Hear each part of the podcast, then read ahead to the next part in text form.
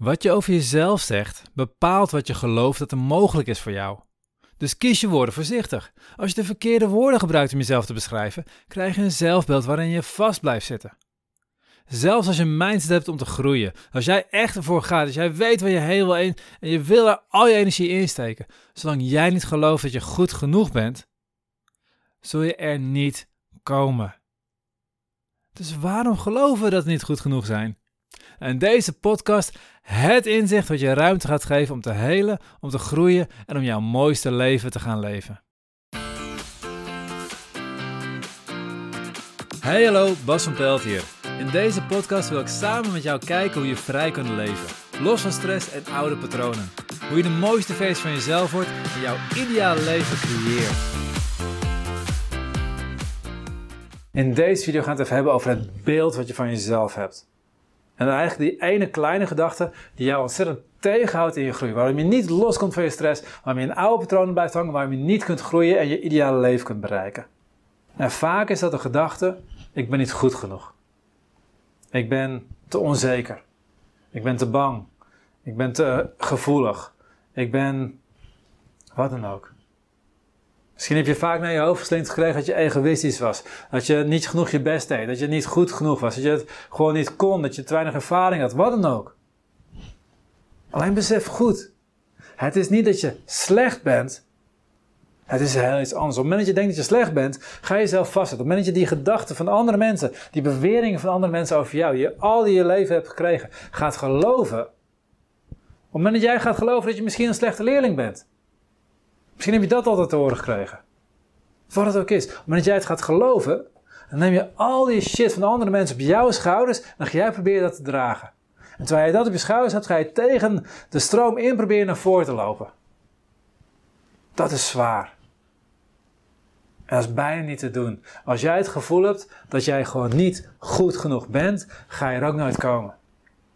Alleen het is niet dat je niet goed genoeg bent. Je bent niet slecht, je bent beschadigd. En dit is een belangrijk stukje. Er zit een groot verschil tussen niet goed zijn of beschadigd zijn. Op het moment dat je beseft dat je niet, niet goed genoeg bent, dat je beschadigd bent, dan ontstaat er ruimte namelijk. En dat is het gave, daar wil ik je hebben. Dat je gaat beseffen, wacht eens, het is niet zo dat ik altijd niet goed genoeg was. Het is niet zo dat ik niet genoeg mijn best gedaan. Het is niet zo dat wat voor gedachten je ook meegekregen hebt van, van je ouders, van, van, van jeugd, van andere dingen. En ik kan een voorbeeld daarin geven. Ik ben gepest op middelbare school. Dan leer je wel dat jij er niet bij hoort, dat je niet goed genoeg bent. Dat is een dingetje wat je aanleert door al je klasgenoten. Een paar uitzonderingen daar gelaten. Maar dat is wel wat je meekrijgt. En op het moment dat ik in die gedachten blijf hangen, ik ben niet goed genoeg, ga ik niet andere mensen vertrouwen. En elke keer als ik dan iemand tegenkom en die doet iets wat, ik niet had verwacht, of die doet iets wat ik ja, eigenlijk een beetje niet zo fijn vind, dan meteen, zie je wel, hij vertrouwt me niet. Zie je wel, hij vindt me niet goed genoeg. Zie je wel, er wordt weer niks. Elke afwijzing die ik krijg, ga ik meteen als een afwijzing van mijn persoon ervaren. Als ik iemand een kopje thee aanbied, en die persoon houdt helemaal niet van thee, maar die wil graag koffie. En ik zeg wil je een kopje thee? En die zegt nee, dan voel ik het persoonlijk meteen. Want ik ben weer niet goed genoeg. Maar dat is helemaal niet waar het over gaat. Ik ben beschadigd en daardoor ervaar ik dingen compleet andere manier dan ze zijn. Het is niet dat ik niet goed genoeg ben, ik ben beschadigd. En wat betekent het als je beschadigd bent? Dat je kunt helen. Als je beschadigd bent, kun je helen. Als je een wond ergens hebt, dan mag er pleister overheen. Dan mag er aandacht naartoe.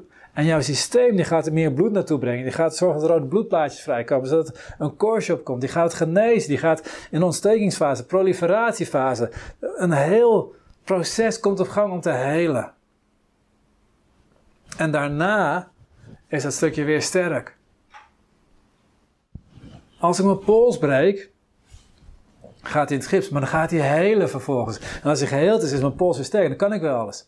Zolang ik niet besef dat mijn pols gebroken is, dat ik niet besef dat ik beschadigd ben, maar nog steeds denk van ja, mijn hand is gewoon niet goed genoeg, blijf ik mijn best doen. Blijf ik mijn best doen, ondanks dat mijn pols gebroken is, ondanks dat ik beschadigd ben, blijf ik mijn best doen.